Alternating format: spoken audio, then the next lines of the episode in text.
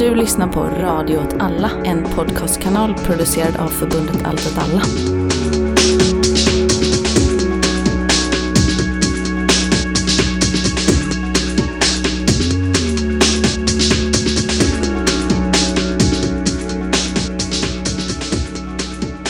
Du lyssnar på Radio åt alla rekreation med mig, Kalle. Och mig Martin. Och det här är vårt and...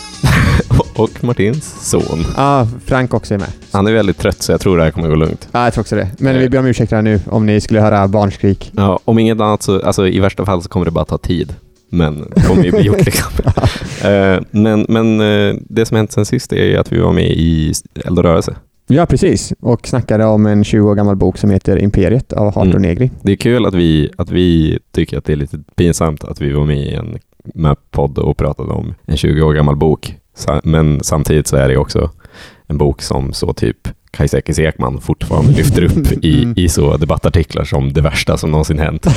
Så absolut, alltså den är ju 20 år gammal men den är också på något sätt också ständigt aktuell. Liksom. Ja, verkligen. Jag uppmanar alla att söka på kalkonmarxism på Google och få upp Mm. Nybergs eh, recension av Imperiet. Clarté-texten. Ja. Ja. Men, eh, men lyssna gärna på det avsnittet. Det var kul att vara med.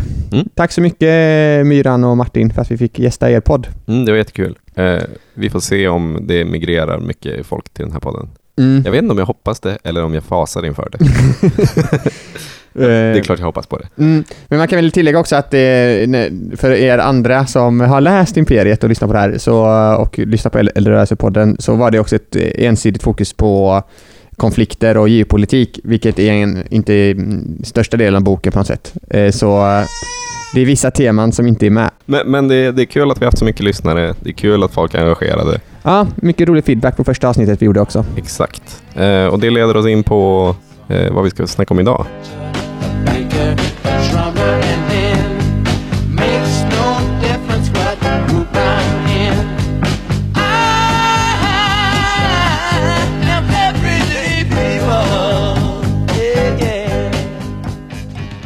För det vi ska, det vi ska göra nu är att vi ska ta lite samma, eh, samma liksom resa som eh, den operaistiska rörelsen gjorde eh, när, Mm. när den gick över till postoperaism. Och vi kommer nog upprepa lite saker som vi sa i eldrörelse. Om man, så om man hatar upprepning så kan man spola fem minuter. Dagens tema, det- här kommer ju vara mm, Början på en lång kedja av avsnitt om staden. jag skulle vilja säga att inte kalla det kedja då, utan att vi har en, eh, Ett rhizom. Ett rhizom som utgår från ett vag idé om Ja. någonting som kan kallas städer. Vi skapar en märklig, märklig väv av Exakt. avsnitt.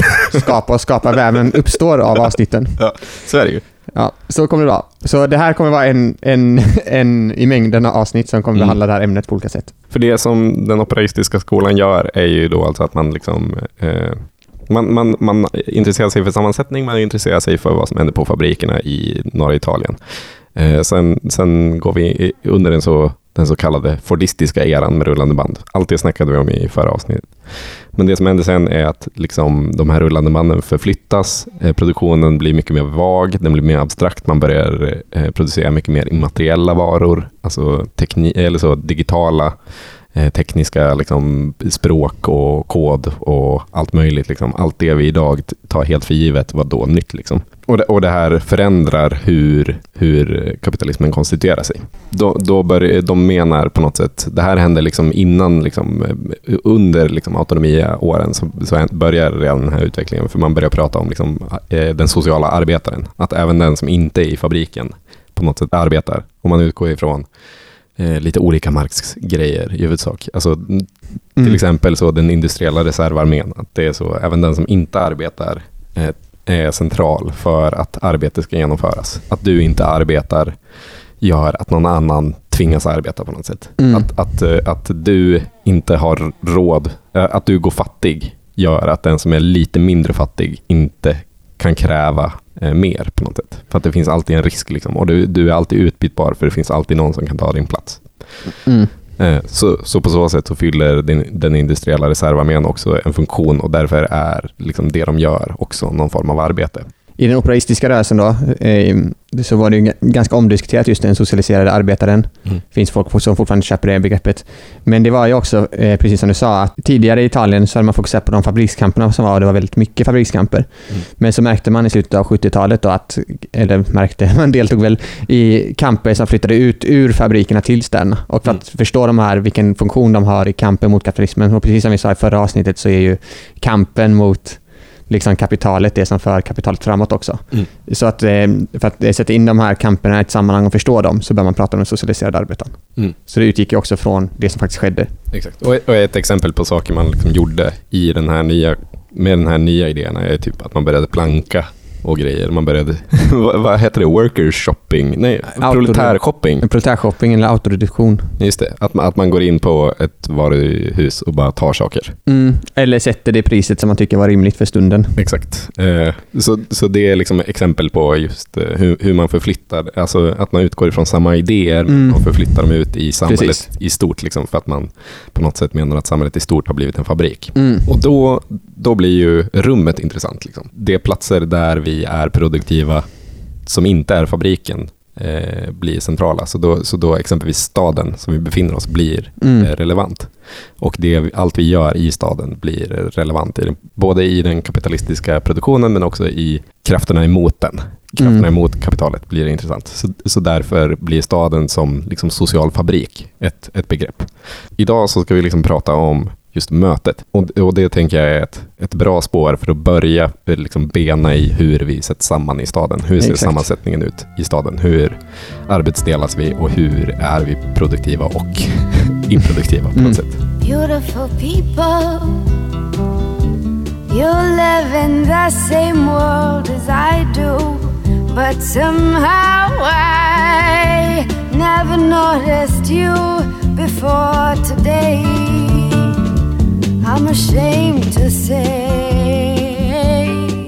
Människor har ju alltid bott tillsammans eh, på något sätt. Liksom. Vi är ett kollektivt djur, ett flockdjur och så vidare. Eh, så... där Fan, vi. vilken, vad har det här blivit för podd? där, där man börjar ett segment med människan har alltid bott ihop.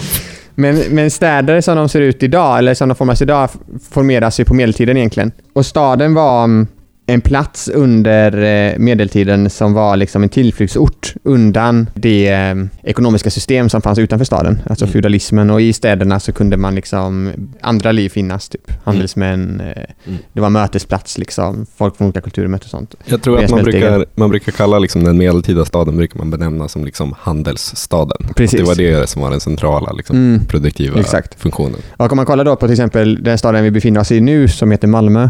Mm. Så har ju Malmö, om man typ kollar lite på historien kring Malmö så har Malmö alltid varit en flyktplats liksom.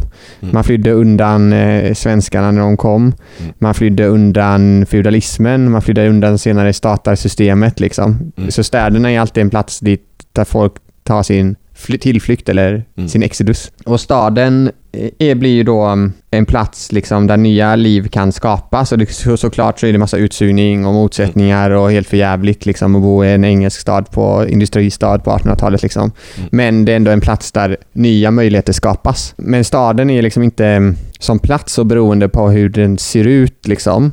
Mm. Kanske dess geografiska läge, eftersom Halmstad är alltid fetare än andra städer. och det är inte så konstigt eftersom det ligger vid ett vattendrag så det är klart det finns en, en större möjlighet för liksom, utbyte och så.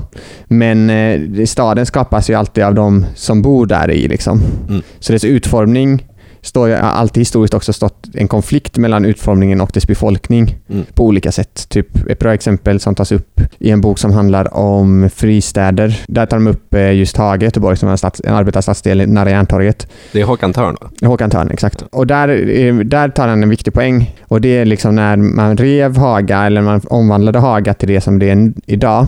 Och när man började bygga miljonprogrammen så var ju inte problemet typ att folk fick bättre lägenheter. För de stora segmenten i samhället var ju för miljonprogrammet, särskilt de som bodde Mm. i de här utsatta stadsdelarna för de hade ju inget rinnande vatten eller liksom, de hade gårdstoalett och sådär. Eh, eller öppen dass, öppen, utedass. Men det man gjorde var att man byggde bort allt socialt liv som hade liksom skapats där under generationer. Mm. Och det tänker jag är en bra förklaring vad en stad är. Det är det livet som skapas liksom. Mm. Genom att folk bor där, Mm. eh, får barn där, Mm. eh, agerar där, handlar där, träffar andra människor. Mm. Och historiskt sett så kan man ju se en sån liksom, att de, de roligaste städerna är ju städer där det livet har fått vara mer eller mindre ostört. Mm. Eller där de konflikterna mot de som vill förändra staden, typ eh, göra den finare eller bygga om den har förlorat. Det är ofta de städerna som man tycker är feta liksom. Det, det har ju alltid varit liksom vad staden har varit på Mm. sätt. Men det, dess produktiva liksom funktion har ju, har ju förändrats. Om vi, om vi snackar om medeltida handelsstaden så är funktionen är att varor byter händer. Liksom. Mm. Och att andra varor, så specialiserade varor, Precis. tas fram. Alltså det finns en smed. Typ. Mm. Och, sen, och sen kommer industrialism, kapitalismen gör inträde. Staden byter lite karaktär i Mm. att den produktiva processen i huvudsak går, blir industri. Precis, och där är det viktigt att komma ihåg också att i den här tidiga, eller också i Malmö som är en sån klassisk industristad och har haft väldigt många fabriker. När man tänker på en fabrik så tänker människor ofta att det är, liksom, det är en stor byggnad, Mm. det är stora skorstenar. Men det som var grejen på till exempel Möllan, som var ett område där det fanns många fabriker, var att det var ofta ganska små fabriker, kanske Ja. ett hushåll som hade en fabrik eller några hushåll. Ehm, så det var en väldigt tät produktion också. Mm. Om, du går, om man går till Norra Sandjofri till exempel så finns det ju så kvar väldigt, väldigt gammal industri. Mm. Alltså, bl- bland annat, jag tror det heter Benzos kemifabrik som är K-märkt som Ja. ligger på en ödetomt här. Mm, så det kan man gå och kolla på. Kolla på Benzos kemifabrik. Men eh, det, och det som händer när, det, när städerna, när liksom industrikapitalismen växer fram och produktionen av varor eh, blir viktig för ekonomin, det är ju att den kräver liksom enorm eh, arbetskraftsmängd. Mm. Så det börjar ju då en enorm utflyttning också från landsbygden till städerna och det är väl det som är början på den urbaniseringen som fortgår än idag. Så staden har ju liksom, även om de här fabrikerna är borta sedan länge i många städer, så är det ju ändå den platsen dit folk söker sig fortfarande över hela världen globalt sett för att hitta ett arbete och Mm. en inkomst. Liksom. Att man flyr är ofta landsbygdens eh, villkor. För, för det som skiljer staden från landsbygd historiskt eh, är, ju, är ju att man på landsbygden så sker inga spontana möten. Nej, du, du, precis. du träffar ju bara, du är väldigt kopplad till din familj och du är väldigt kopplad till väldigt nära grannar som väldigt ofta är din familj. Liksom. Ditt enda utbyte med mänskligheten liksom, som social varelse är med folk som står dig väldigt, väldigt nära. Mm. Du, du möter aldrig någon som är, som är dig olik. Liksom. Medan i staden så möter du ständigt olikhet. Eftersom Mm. att det är så kompakt. Det, det finns så många. Alltså det, bara av att det existerar många individer så, sker det, så kommer det ske möten Mm. på något sätt. Och att man måste hantera den här olikheten. Mm. Det är väl det som är det viktiga här. Alltså att det inte bara att man träffar på olikheten utan också att människor skapas utifrån den eftersom man måste också hantera den. Mm. Exakt. Att man, att man, att man blir, alltså man blir, man blir en social varelse på ett annat sätt för att Mm. man liksom tvingas för, för va- liksom ständigt hantera olikhet, Mm. vilket förändrar en. Eh, och, och då, då kommer vi in på beg- begreppet multituden. Ju. Ja, Eh, ska, vi, ska vi eh, riva av det plåstret? riva av det plåstret. Det gör vi. Mu- Multituden är alltså... Det är ju Spinoza då som Låt oss börja 1700. Eh, eh, eh, i Holland. multituden, det är då ett så... Återigen, det är ett begrepp som uppkommer i imperiet väl? Mm, men det är taget från Spinoza faktiskt. Ja, det är ju taget från Spinoza, men låt oss inte...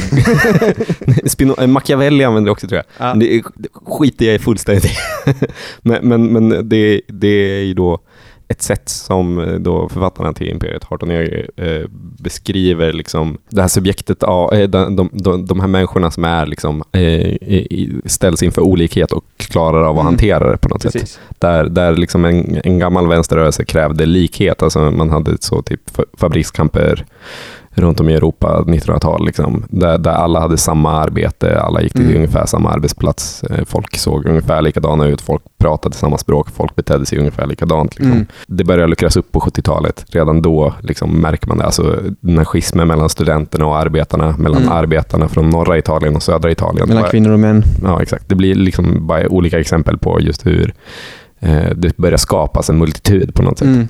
Men, men när imperiet författas så är ju den multituden är ju på något sätt eh, mycket mer etablerad. Mm. Då, för då, då har städerna verkligen blivit globala på allvar. Mm. Eh, alltså att befinna sig i, i, i Stockholm är på många sätt mycket mer likt att befinna sig i Köpenhamn än att befinna sig i, jag vet inte, där jag är ifrån, så utanför vinden Mm. exempelvis. Mm. Även om det ligger i, i Sverige. Mm. Och i sin tur så är Stockholm och Köpenhamn mer likt Berlin, New York och så vidare än, än, än landsbygd.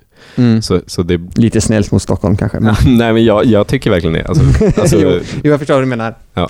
Det är bara mitt Stockholmshat som... exakt. Men, eh, ja, och, men multituden då.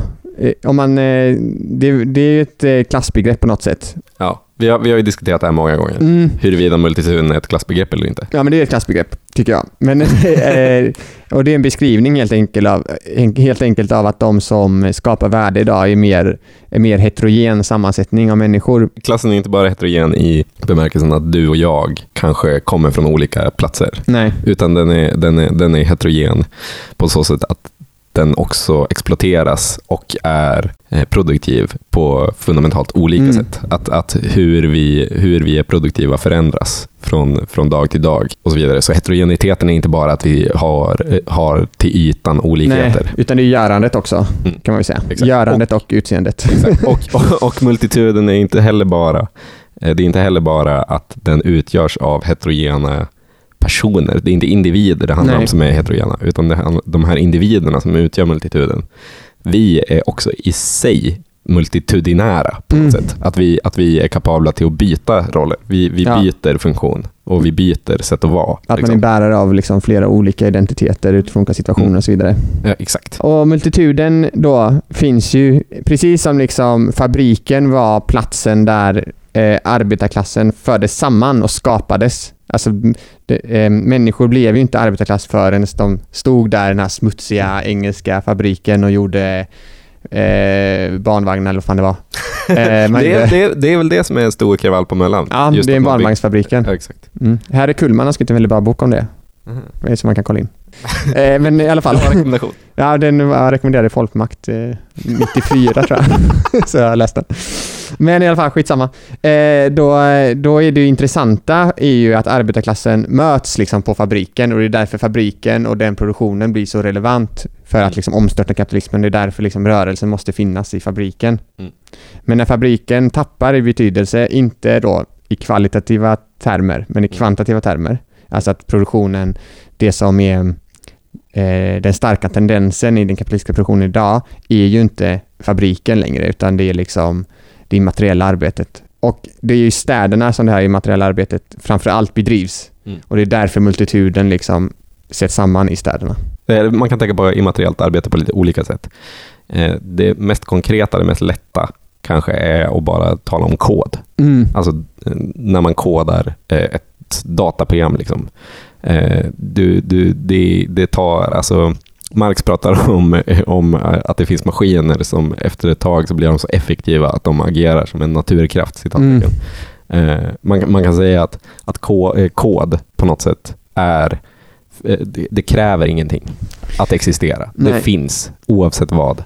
Språk en annan typ av immateriell vara. Liksom. Eh, vi, vi alla besitter det. Vi, det är en kunskap, en, en känsla och så vidare. Så immateriella liksom, tillgångar är, är allting som eh, inte går att ta på men som är exakt lika på riktigt. Mm. Eh, man, man ska inte tänka att det immateriella på något sätt inte är materiellt. Nej. Utan, utan snarare att det bara inte är taktilt. Typ så. Eh, Men det, det är liksom inte det är inte koppen. Nej, exakt. Utan det är, det är inte koppen, men det kan vara trycket på koppen. Exakt. Eller snarare designen av trycket på koppen. Eller Exakt. designen av koppen. Liksom. Eller eh, den som säljer koppen till dig. Mm, hur, ja, exakt. Hur Eh, den beter sig i det mötet. Exakt. Eh, och, och immateriell produktion kan ju ske väldigt reglerat. Det kan vara under fasta arbetstider. Eh, men men hur, ma, majoriteten av den immateriella produktionen är ju saker som sker hela, hela tiden. Mm.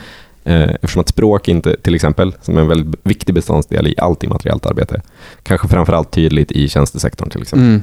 Språk är inte någonting som produceras på arbetstid. språk är någonting vi producerar hela, hela, hela tiden. Liksom. Mm. Sociala koder är någonting vi producerar hela, hela tiden. Det, det, det går inte att stämpla ut från den immateriella produktionen på det sättet. Nej. Eh, Men, men eh, sedan kan den immateriella produktionen kan, kan inhägnas på olika sätt. Exempelvis genom att eh, de i tjänstesektorn tillämpar de här sociala koderna specif- på specifika sätt Mm. för att, för att eh, ge gott bemötande, citattecken.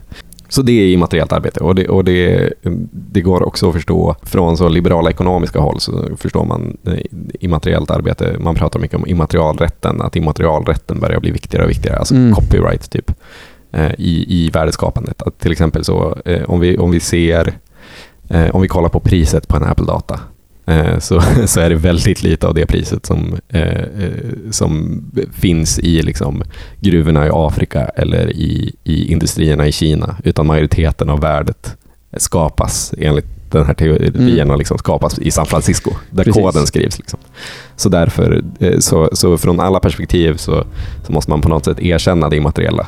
Mm. Eh, Medan, men från vårt perspektiv så kanske man lägger fokus just på liksom det immateriella som någonting som vi skapar hela, hela tiden. Mm. Att, att det, inte hade, det går inte att bli en mega bra marknadsförare som är jättebra på att skapa varumärke åt Apple om du inte är en människa i ett samhälle eh, med sociala koder.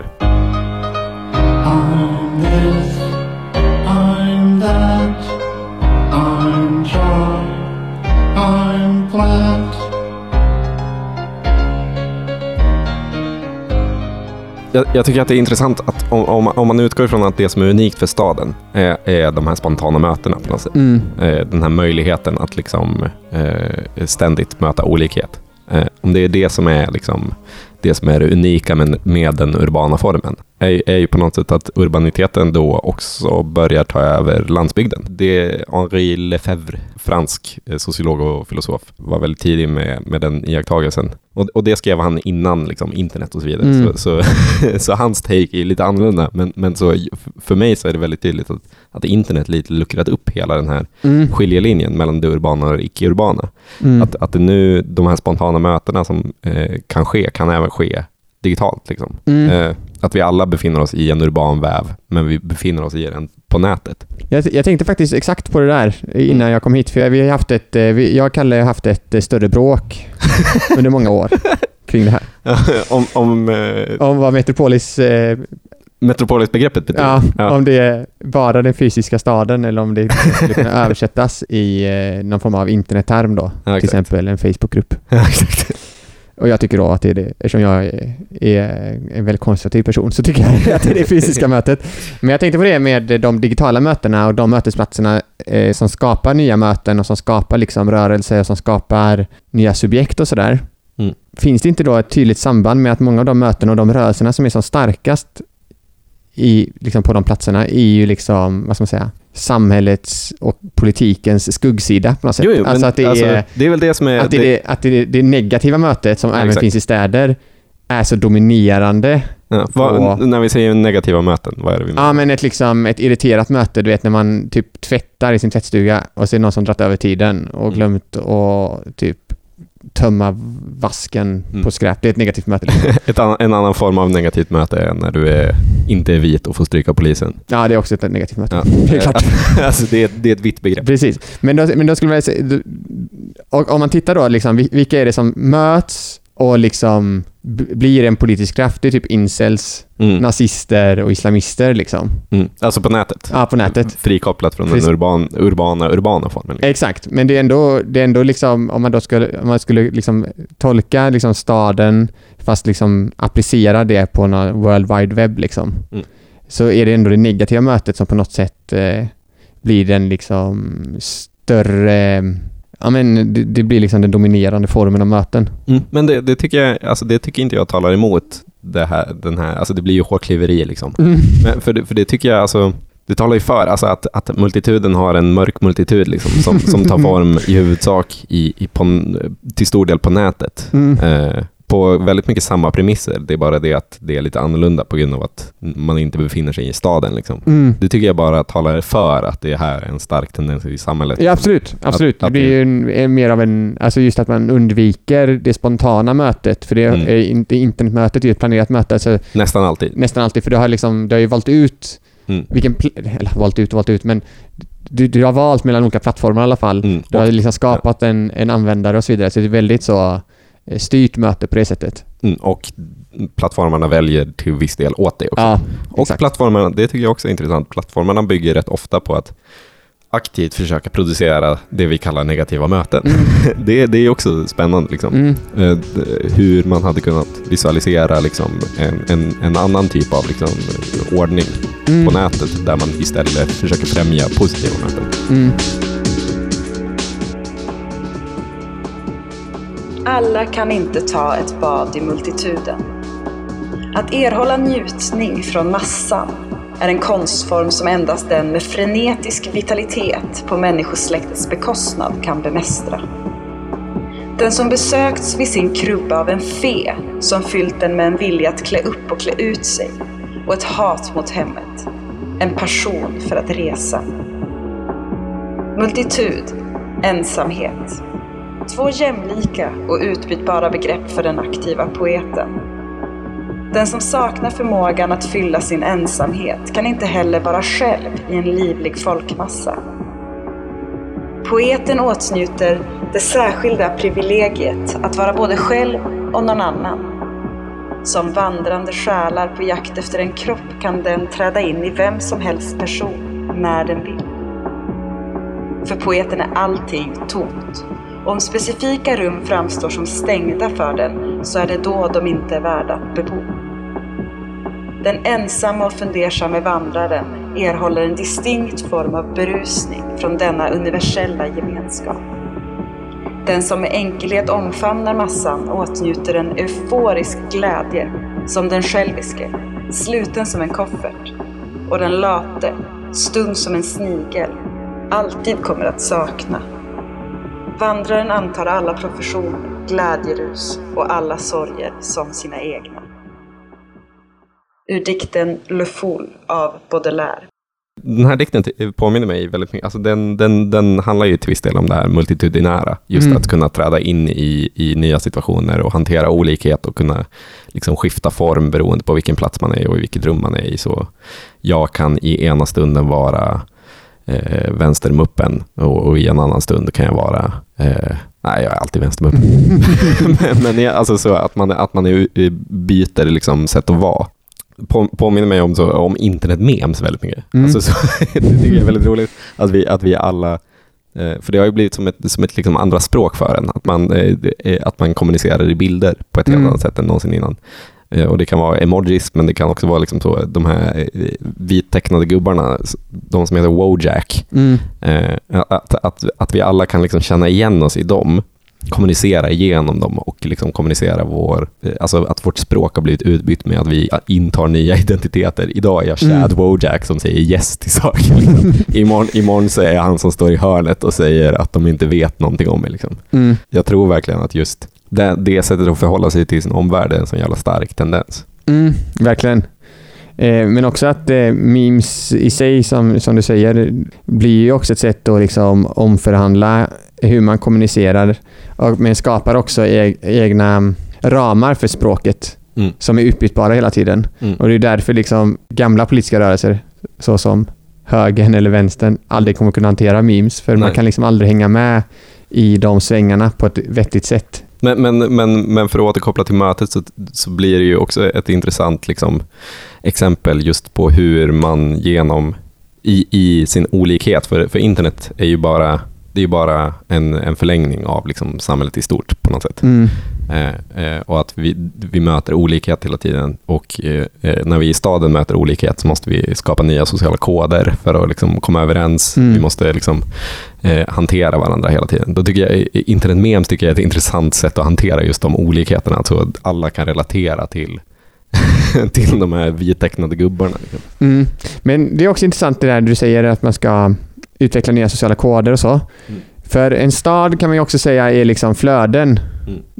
Det- som är en stad är att den fångar massa flöden liksom av människor, eh, idéer, varor. Mm. Och de här flödena, så fort de börjar regleras i en stad så tappar ju också staden eh, i värde på något sätt. Mm. Alltså eh, till exempel om man eh, Eh, om man hittar en levande stadsdel och så försöker liksom eh, stora företag och kommunen styra upp den stadsdelen. Det som sker på Möllan nu till exempel. Det som i vanligt folk brukar kalla, gentrifiering. För det, men de måste göra det liksom för att inhägna den här, Mm. de här flödena och skapa ett värde av det. Mm. Men samtidigt... det, finns ett, det finns en oordning som är väldigt produktiv, men den, den kan inte realiseras förrän den inhägnats. Nej, precis. Och när man börjar inhägna det, när man liksom börjar liksom fasa ut allting som gör de här stadsdelarna roliga liksom och Ungersk slaktare exempelvis. Ung, en ungerska slakteriet. exempel. Ja, dagsaktuell fråga på Möllevångstorget. Eller en, en trafikrondell där alla vet hur den fungerar men man måste liksom ha kört den hundra gånger för att förstå den. Ja, Alltså, all, allting sånt som skapar ett liv. Mm. Och det måste ju bort liksom för att man ska kunna skapa eh, ett eh, monetärt värde. Mm. Men det är också intressant för det, då förlorar ju också staden eh, sin förmåga att skapa värde på något sätt. Så det är två processer som hela tiden stretar emot varandra. Men jag tycker att det är ganska intressant att det finns ändå en väldigt framstående liksom, eh, idéströmning inom liksom, den liberala liksom, ekonomin som handlar just om mötet och just eh, att- att inhägna de spontana mötena. På Mm. Och det, det det, alltså Richard Florida, känd, känd geograf, som är allmänt bespottad, men också allmänt bara älskad och han fick, har typ bara vunnit. Mm. Eh, det, är, han- det är han som myntar begreppet eh, den kulturella klassen, Den kreativa klassen. kreativa klassen. Jag kan också säga utifrån in, inside information från en vän som har besökt väldigt många kommunkontor runt omkring i Sverige. Mm. Att alla som är på med stadsplanering på hög kommunal nivå har den boken i sin bokhylla på kontoret. Klart de har. För, för, för hans hans liksom take är ju att vi befinner oss i en postindustrialism. Eh, Så vi behöver, vi behöver skapa värde på något annat sätt. Vi, vi behöver skapa im, värde immateriellt Mm. genom liksom intellektuella, kreativa, konstnärliga utbyten Mm. till stor del.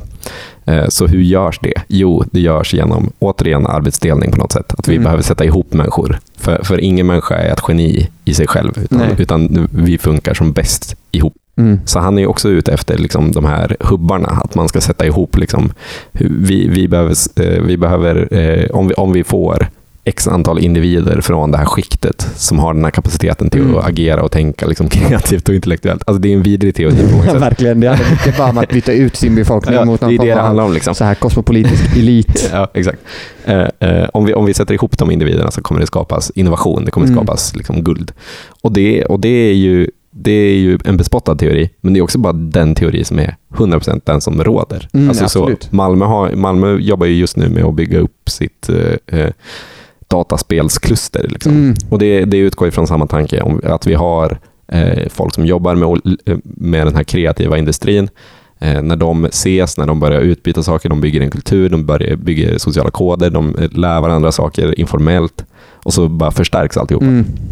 Och det är ju väldigt jämförbart med liksom, vårt sätt att förstå mötet. Mm. Eh, det är bara det att det är från den andra sidan. Liksom. Precis. Men det är också så, eh, eh, när den här teorin kritiseras från vänsterhåll så är det ofta så att ja, men det är liksom eh, det blir flummigt för att det inte finns någon aktör bakom. Mm. Men jag tror det är viktigt att komma ihåg att de här processerna är ju väldigt, väldigt styrda. Liksom. Det är Mm. Politiskt tagna beslut, det är Mm. företag som väljer strategier Ja. och så vidare. Och, det är de, och, utifrån de strategierna och besluten ska man verkligen se att den här teorin är allrådande. Liksom. Så, så om vi har Richard Florida som någon slags så, nemesis nu. alltså det, det är liksom eh, den onda förståelsen av eh, mötenas produktivitet.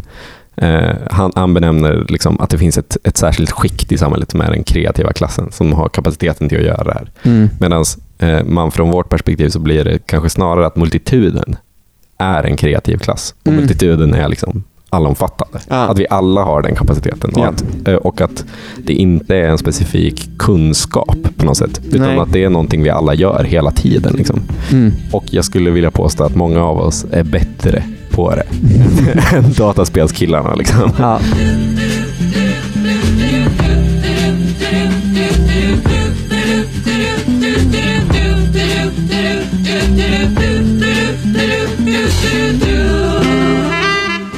Precis som vi ser i det här eldrörelseavsnittet då, så har liksom eh, det ekonomiska systemet har eh, eh, omformat livets alla delar Mm. och jordens alla hörn.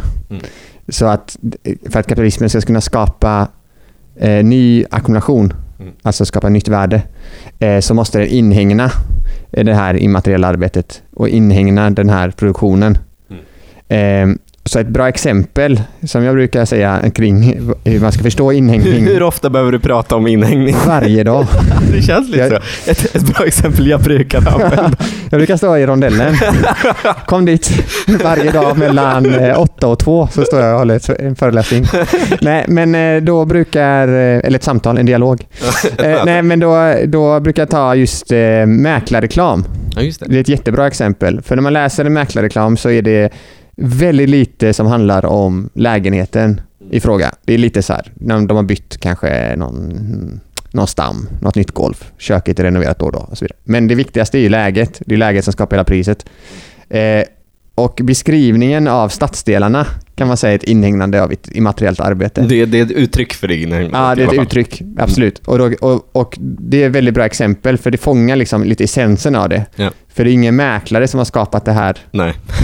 Och det är ingen liksom chef som har sagt så här ska det vara i den här stadsdelen. Utan det är liksom, då som vi var inne på innan, generationer av liv Mm. som har format stadsdelen. Mm. Och det som då kapitalismen gör är att de gör om det till en vara som kan säljas liksom, Mm. genom att inhägna det genom bostadsrätter till exempel. Mm. Rosa Luxemburg pratar ju om att kapitalismen behöver expandera Mm. utåt, ut i nya geografiska områden, eh, ställa större delar av rummet under sin makt. Liksom. Mm. Men när kapitalismen blivit en totalitet och konstitueras genom hela, alltså på global skala, liksom, Ja. så måste den växa inåt istället. Mm. Så större delar av det vi historiskt sett bara ser som att vara en social varelse eh, blir en del av den immateriella produktionen. Till exempel att vi, att vi inte längre bara kommunicerar med varandra. Alltså vi, vi ses inte bara IRL, liksom live du och jag, utan Nej. vi chattar också en massa. Mm. alltså vi, existerar, vi. existerar också i en inhägnad plattform. Liksom. Mm. Eh, Du, du letar inte längre kärleken bland på den, de naturliga sätten. Du går in på Tinder och så betalar du vad fan man nu betalar för att få För boost. super swipes. Liksom. Alltså det, det är ju helt... Super likes. Det, det, det är ju immateriell produktion. Ja, liksom. verkligen. Eh, på, på en nästan komisk nivå. Liksom. Mm. Eh, vi, vi, vår favoritmusik eh, är inte längre så någon god dude som spelar i krogen varje helg. Eh, utan numera så konsumerar vi all kultur genom så olika tjänster. Liksom. Mm. Eh, Så allting, allting eh, det, ständigt skapas det nya sätt för oss att, att leva so, som sociala varelser i inhägnade sfärer på något Mm. sätt. Och då kan man ju vara så här då, om man sätter på sig sina tråkiga glasögon, så kan man ju säga så här, kapitalismen skapar behov för att skapa marknader. Mm. Men det är då, vi menar tvärtom. Mm. Att de här behoven finns redan. De är redan skapade av människor, men de inhägnas av kapitalismen. Och Exakt. det är en viktig särskiljning. Vi, eftersom att den här podden väldigt mycket bara är att vi eh, säger massa saker och har ganska kul, liksom, så, så vill jag ibland bara backa bandet lite. Men jag, jag tycker att det är just för att återgå till, liksom, för, för vi utgår ju från någon typ av så operaistisk Mm. liksom, förståelse av världen. Så tycker jag verkligen att den liksom, eh, att, att, eh, att just se det som att det inte är geniala entreprenörer som skapar behov, utan att, behov, att det är vi som, som människor som skapar behoven som sedan inhägnas, Mm. är, är samma liksom vändning av det på samma sätt som det är inte kapitalismen som skapar sin egen utveckling, utan det är kampen mot kapitalismen Mm. som ständigt Precis. utvecklar den. Att det, det rör sig om samma liksom sätt att vrida på det. Mm. Och det är därför också man kan se en potential till en annan typ av värld hela tiden. Mm. I liksom ehm, saker som skapas utanför Mm. kapitalismens, eller på gränsen liksom hela tiden. Mm. Som- Inom och mot. Inom hot, ja. Som spretar liksom och knackar lite på dess fasad. Exakt. Och det är därför också många av de politiska kamper man kan se i städer eh, ofta tar sig uttryck att de är kamper kring platser Mm. och eh, liksom uttryckssätt. Mm. Som i Berlin så är det en jätteintressant hyreskamp men det är samtidigt också en jätteintressant kamp kring de platserna som har överlevt ganska länge som, har, som skapar andra typer av liv än de som passar in i en postindustriell storstad. För i, om vi då återgår igen till platser och icke-platser. Mm. Eh, Det är, vad, be, vad begreppet kommer ifrån, det minns jag inte. Jag tror att man på engelska pratar om space och place. Mm. En icke-plats är liksom ett rum eh, som inte fyller någon så relationell mening för dig. Utan det, den, är, den är till för specifika funktioner, den är inte till för dig. Du har liksom ingen, det sker inget utbyte mellan dig och rummet. Och det sker inget utbyte mellan dig och de andra som befinner sig i rummet. Ett, Mm. ett bra exempel på en icke-plats är typ ett köpcenter. Mm. Eh, Och det är ju liksom, det är också inte helt sant. Det Nej, för det kan ju rymma andra typer av möten där som inte är tänkt att ske där, men som ändå sker där. Så det, det finns inga tydliga gränsdragningar. Men, men, men en icke-plats, alltså ett köpcenter är, jag går till entré, jag ska rakt till Clas Ohlson, jag tittar ner i golvet. Det finns inte där. Finns inte där. jag går upp, jag går till ett nytt köpcenter, Mobilia, Clas Ohlson. Där Yes. finns det. Rulltrappa upp. jag upplever exakt samma alienering. Ja. Medan platser är motsatsen. Där, där icke-platserna vill eh, liksom skjuta ner alla spontana möten på olika sätt. Det finns väktare där. Mm. Det, det, du måste betala för att befinna dig på, på platsen. Du kan inte sitta ner om du inte betalar. Toaletterna är också... Alltså så, allting, Det är allting, hårt reglerat. Allting. Flödena är hårt reglerade liksom. allt talar emot att du ska ha det trevligt här. Mm. Verkligen. Medan icke-platser är det omvända. Mm. Alltså att eh, platser är de, platser, eh, de rum som liksom bejakar de här Mm. mötena på något sätt. Eh, till exempel bibliotek, jättebra plats. Det är verkligen, och sen finns, återigen, på samma sätt som icke-platser inte är hårt definierade så är platser också svåra att definiera. Eh, men ett bibliotek eh, är, en plats där du kan träffa likasinnade, men du träffar också total olikhet. Liksom. Mm. Folk som pratar ett annat språk gör liknande men annorlunda saker än dig. Mm. Alltså när, man, när man sätter sig ner och ska jobba på ett bibliotek, det har jag gjort många gånger, när jag så ska sitta och rita någonting, så sätter jag mig på bibblan och sen runt mig så har jag folk som jobbar med typ lite samma sak. Många inte som liksom professionellt, utan det är bara att det sker någon typ av utbyte. Vi ser vad vi sysslar med och vi tar ett snack om det. Det är trevligt, det är härligt. Vi, Mm. det, det är inte på någons bekostnad vi är där, utan vi är där helt av egen vilja. Liksom. Om man tänker staden i en sån uppdelning och då med brasklappen att det är tendenser på olika fysiska rum. Liksom, att det finns alltid en tendens till att det finns alltid en vilja att eh, det, det ska bli en icke-plats liksom, Mm. från ganska starka krafter. Så. Men det finns också alltid en vilja att det ska bli en plats. Som, ett köp, som du sa med ett köpcenter så finns det ju en idé att hela tiden liksom maximera konsumtionen genom kontroll och styrning Mm. på olika sätt. Jag tycker Rosengård centrum är ett bra exempel på en icke-plats som också är en plats för Mm. många. Medan då det alltid finns liksom ett köpcentrum, eftersom samhället ser ut som det gör så finns det alltid ett behov av människor att vara inomhus. Liksom. Ja, och, då skapar det andra typer av möten som inte är tänkt att ske i ett köp, Mm. köpcenter. Så det, men det är ett bra sätt att förstå många av de konflikter som sker i en stad. Liksom. Mm. Eh, varför typ, kommunen vill sätta in fler väktare på, på, på ett ställe eller varför några andra människor inte vill ha avgiftsbelagda toaletter på ett ställe Mm. och så vidare. Alltså det finns alltid den, den motsättningen och eh, om man har på sig dem, liksom, när man läser, typ, det är en uppmaning då, när man läser artiklar och sånt ska man tänka om staden. Eh, nyhetsartiklar ska man tänka utifrån de termerna så fattar man rätt bra kring eh, liksom, människors motivation till de konflikterna. Mm. Och det är samma sak om man, kommer väl också bli kanske ett avsnitt längre fram, men om man pratar om förtätning Mm. så handlar inte det så mycket om Åh vad fint och grönt och gött det är här. Mm. Utan det handlar ju mer om att de här grönområdena är just de här platserna som inte är reglerade på det sättet som en Mm. icke-plats är. Där man kan, göra, man kan göra rummet till det man vill. Exakt.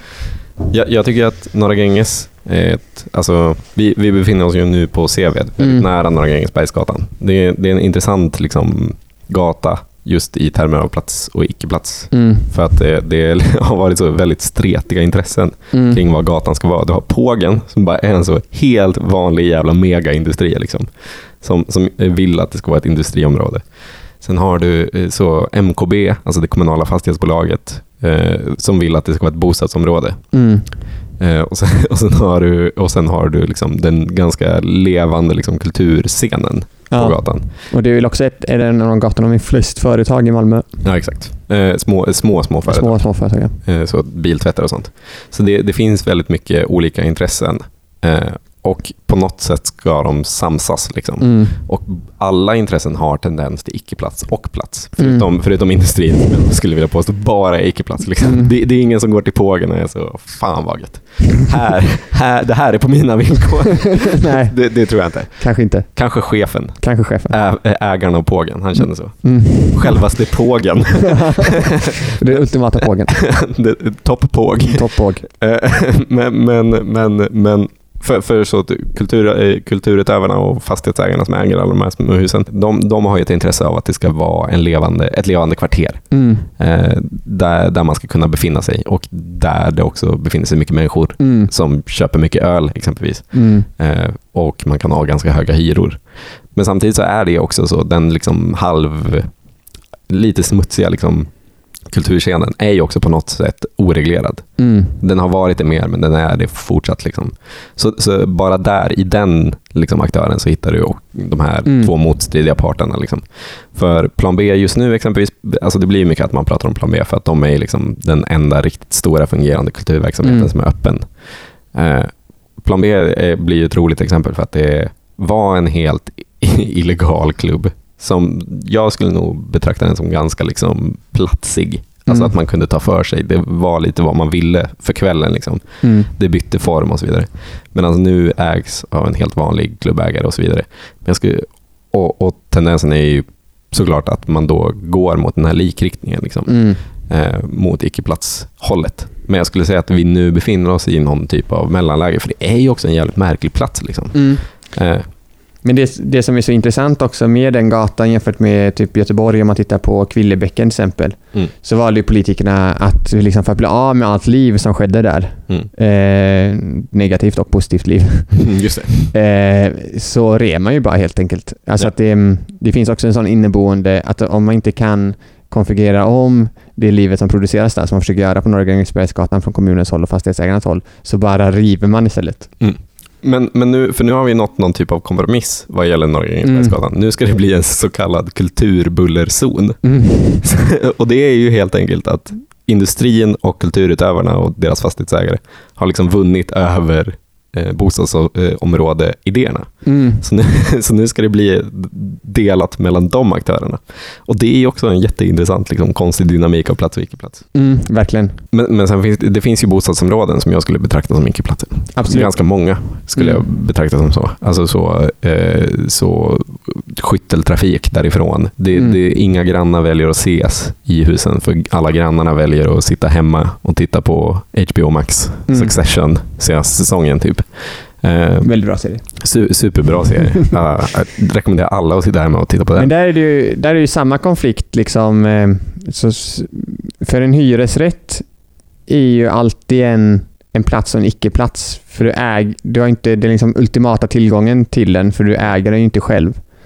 Eh, men de mekanismerna som finns i svensk bostadsmarknad gör det ändå mer till en plats för det har funnits en viss trygghet, man kan på länge i ett område, det har funnits liksom möjligheter att dina barn ska få lägenheter i samma område och det skapar områden som är liksom mer eh, platser på något sätt. Mm, de Men- blir på ens egna Mm. villkor. På något. Medan process, oavsett hur trevlig en bostadsrättsförening är, oavsett hur trevliga grannarna är, oavsett liksom hur goda alla är, oavsett hur mycket de röstar rätt och sådär, Mm. så innebär ju liksom ägandet av din lägenhet också att du börjar se din bostad som en vara. Du börjar liksom blicka på staden på ett annat sätt. Du Mm. börjar liksom Eh, blicka på din lägenhet på annat sätt. Hur, hur, kan, hur kan jag maximera vinsten när jag säljer? Vad, vad kan jag göra för området för att vinsten på min lägenhet ska gå upp? Vilket medför då att ja, men det här jobbiga tonårsgänget vill vi inte ha hängandes i trappuppgången så då sätter vi upp en portkod eller ett staket.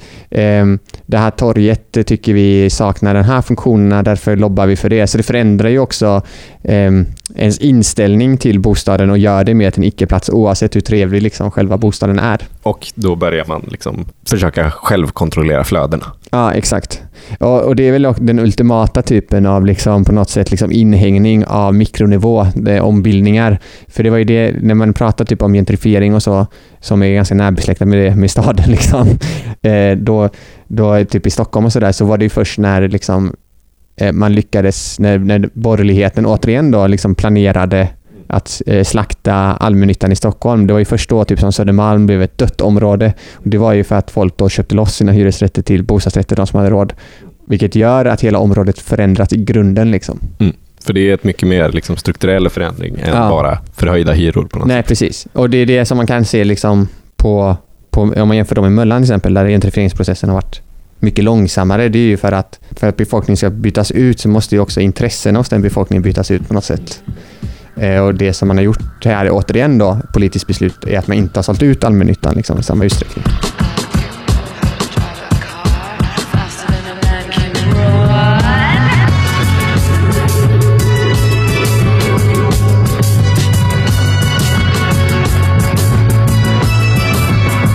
För att avrunda det här något eh, spretiga avsnittet. Jag tycker att det var multitudinärt och inget annat. Det är svenskt. Men för att sammanfatta då så eh, kan man väl säga att, att staden är den plats som fabriken var tidigare för möten mellan de som producerar värde i samhället. Och att mötena är liksom det centrala för den immateriella produktionen eller den biopolitiska produktionen som man också kan säga. I avsnitt tre så kommer vi eh, ha med oss en eh, jättetrevlig gäst Ja, just och prata om eh, ännu mer om städer faktiskt. Ja. På olika sätt. Är det då vi tar topp 10 bästa städer-listan? Ja, om eh, Barcelona kommun bjuder in mig så kommer jag... Det är ditt konstigaste, din konstigaste hang-up. Att Barcelona Encomi skulle ha en konferens. Och en av punkterna var eh, så hamnstäder i relation till municipalism. Och du blev sur för att du inte bjöds in för att ge din topp 10-lista över bästa hamnstäder. Ja, det är en bra hang-up. Det är en bra hang-up. vi ses om en månad. Det gör vi. Ha det bra.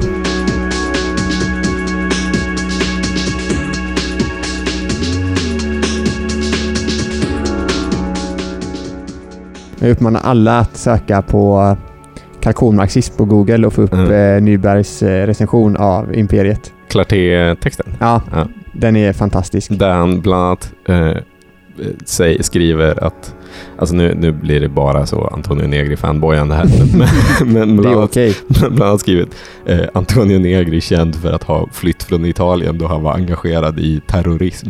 Mm. Och det är bara så, ehm, det är det liksom staten sa.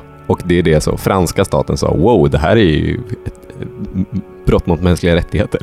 Det är väl också roligt med tanke på att det är skrivet i tidningen Clarté som har en ganska, ska man säga, stolt maoistisk tradition ja, av att stödja väpnade grupper runt omkring i ja, världen. exakt. så i slutändan borde det inte spela så stor roll för Nej. tidningen. Och framförallt så var han ju inte engagerad i terrorism. Utan, Nej. utan han skrev lite texter som Ja. någon kan hävda att någon terrorist läste. Alltså, Men det, det, ja, Det här, nu, nu, eh, Det- nu eh, vi, oss in här på Ja. eh, mm, ett eh, territorium eh, som kanske inte är jättekul, men det kan vara så att det här läggs i slutet. det kan vara Efter outrojingeln. I så fall, kul att ni är här efter outrojingeln. Eh, Nej, men eh, att eh, om man läser typ hans tidiga texter om typ det väpnade partiet och Mm. gatustrid och sånt så är, så är man ju lite ändå så att han var rätt peppad på våld liksom. Jo, men det var, ju, det var ju verkligen alla. Det finns ju en Ja. otrolig dokumentär. Jag kommer inte ihåg vilk, om det är så att den handlar om Negri eller om den handlar liksom om blyåren generellt. Eh, där, där det är någon, det kan ha varit Federici, jag minns inte, som var så... Jag var emot terrorismen som taktik för att jag trodde den var, självmord. Liksom. Eh, jag trodde att den, eh, den vägen skulle eh, liksom, trampa in oss på en stig som var dödsdömd. Liksom. Mm. Jo, Men det var ändå så att jag hurrade när Aldo Moro blev skjuten. Liksom. Mm. Och, och, det var väl liksom så det var, får man ju... Precis, och man kan också säga då till Antonio Negris försvar, han är inte här själv och kan försvara sig, men att han, de var ju alltid kritiska mot Röda brigaderna på grund av Ja, typ deras elitism och eh, liksom Alltså- idé om statsgerillan som, som subjekt. Ja, och sen fick man ju också rätt. Det var ju en återvändsgränd. Liksom. Ja. Det brukar ju vara så när man ska utmana typ Europas tredje största militärmakt eller vad det var vid tidpunkten. Exakt. Det här går nog bra. De här 200 studenterna med taniga spagettiarmar. Ja. Nej, det var dumt. det, det var dumt. Det var dumt.